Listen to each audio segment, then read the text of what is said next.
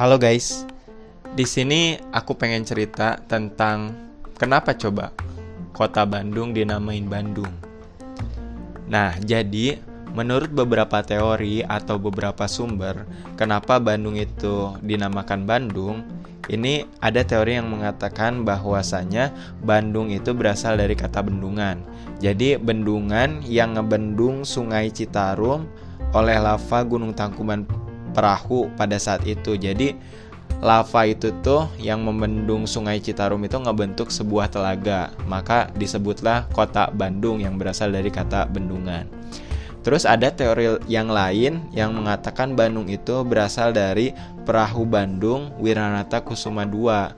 Wiranata Kusuma II ini siapa? Wiranata Kusuma II ini adalah penguasa Bandung pada zaman dahulu ketika zaman Hindia Belanda ataupun dia adalah founding foundernya kota Bandung kayak gitu.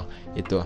Jadi si perahu Bandung tuh adalah dua perahu yang diikat untuk melayari sungai mencari ibu kota baru yang asalnya di Dayakolot. Jadi ketika itu Wiranata Kusuma II tuh menggunakan perahunya itu melayari Sungai Citarum untuk mencari ibu kota baru yang asalnya ibu kotanya itu adalah di daerah Dayuhkolot.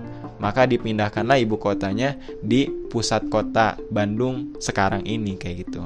Oke, cukup sekian. Terima kasih. I'll see you around.